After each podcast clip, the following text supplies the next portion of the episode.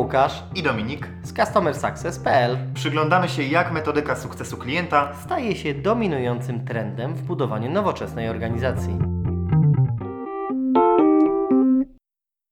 Łukasz, bo to Customer Success to się zdaje taką pracą kolorową, ma taką śmieszną zachodnią nazwę, która nie brzmi tak poważnie jak, nie wiem, starszy specjalista do spraw XYZ.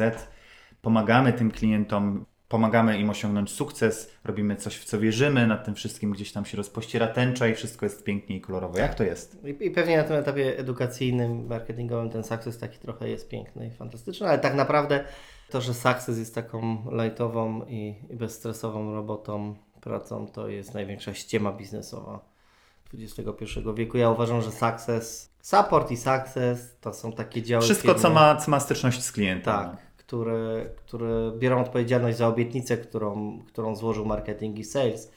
I w, I w tym sensie są dużo bardziej stresujące z mojego doświadczenia. Potrafią być bardziej stresujące niż, niż, niż właśnie sprzedażowe kwestie.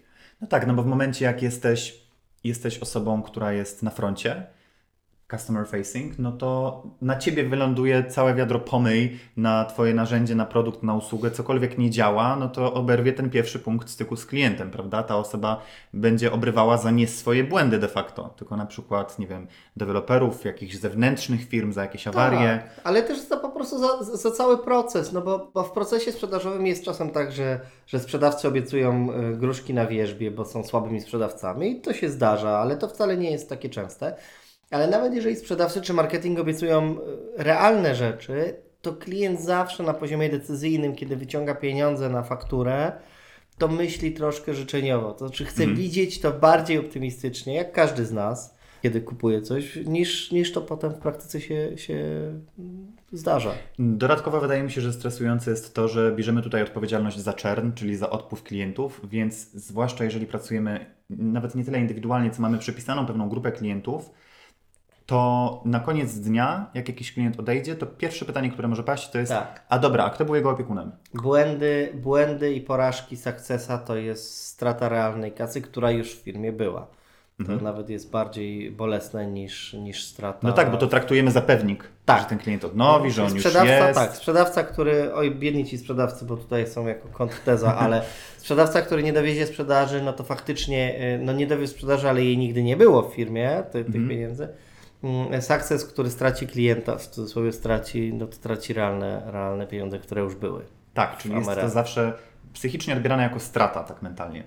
Mm, No dobra, a co jest według Ciebie bardziej stresujące? Bo ja zaryzykuję tezę, że high touch.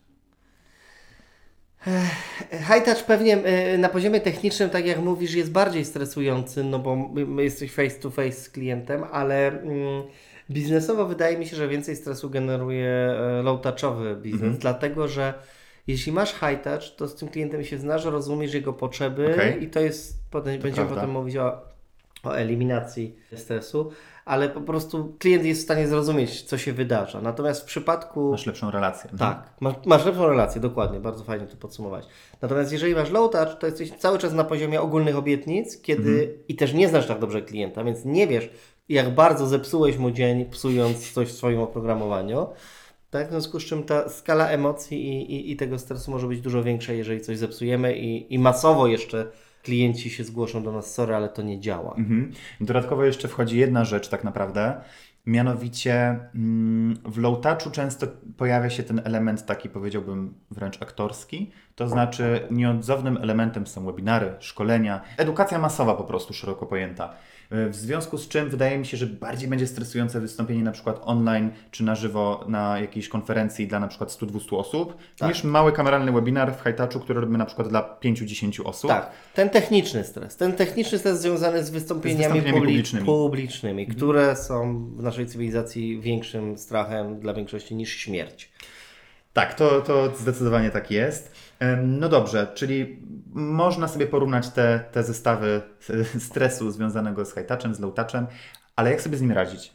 Ty na pewno masz mnóstwo pomysłów, jak sobie radzić technicznie, których ja nie mam, bo ja sobie technicznie ze stresem wystąpień publicznych na przykład w ogóle nie radzę. Natomiast ja mam kilka pomysłów biznesowych, a tak naprawdę jeden najmocniejszy, to znaczy dobrze poznać się z klientem, dobrze zidentyfikować potrzeby biznesowe klienta i dobrze zidentyfikować i nazwać sobie głównych interesariuszy i właścicieli tych problemów po stronie klienta. Bo kiedy jesteśmy w kontakcie z klientem, jesteśmy transparentni, potrafimy mu wytłumaczyć, co się wydarza, dlaczego się wydarza, kiedy się to może wydarzyć jeszcze to poziom stresu po prostu obniża się. I to wynika z mojego doświadczenia. Jak długo rozmawiam z klientem, nawet wściekłym i nawet się tłumaczę, ale tłumaczę mu, co się wydarzyło i widać, że tam nie ma złej woli, tylko jest trochę pecha, trochę obiektywnych przyczyn. Być może czegoś nie dociągnęliśmy i wtedy się do tego przyznajemy. Wtedy stres się obniża. No tak, 80%. klient, klient rozumie, że to nie jest zrobione na złość, bo akurat marzyliśmy, żeby Tak. mu zepsuć dzisiaj dzień. Stres się E, zamienia w odpowiedzialność. Dokładnie.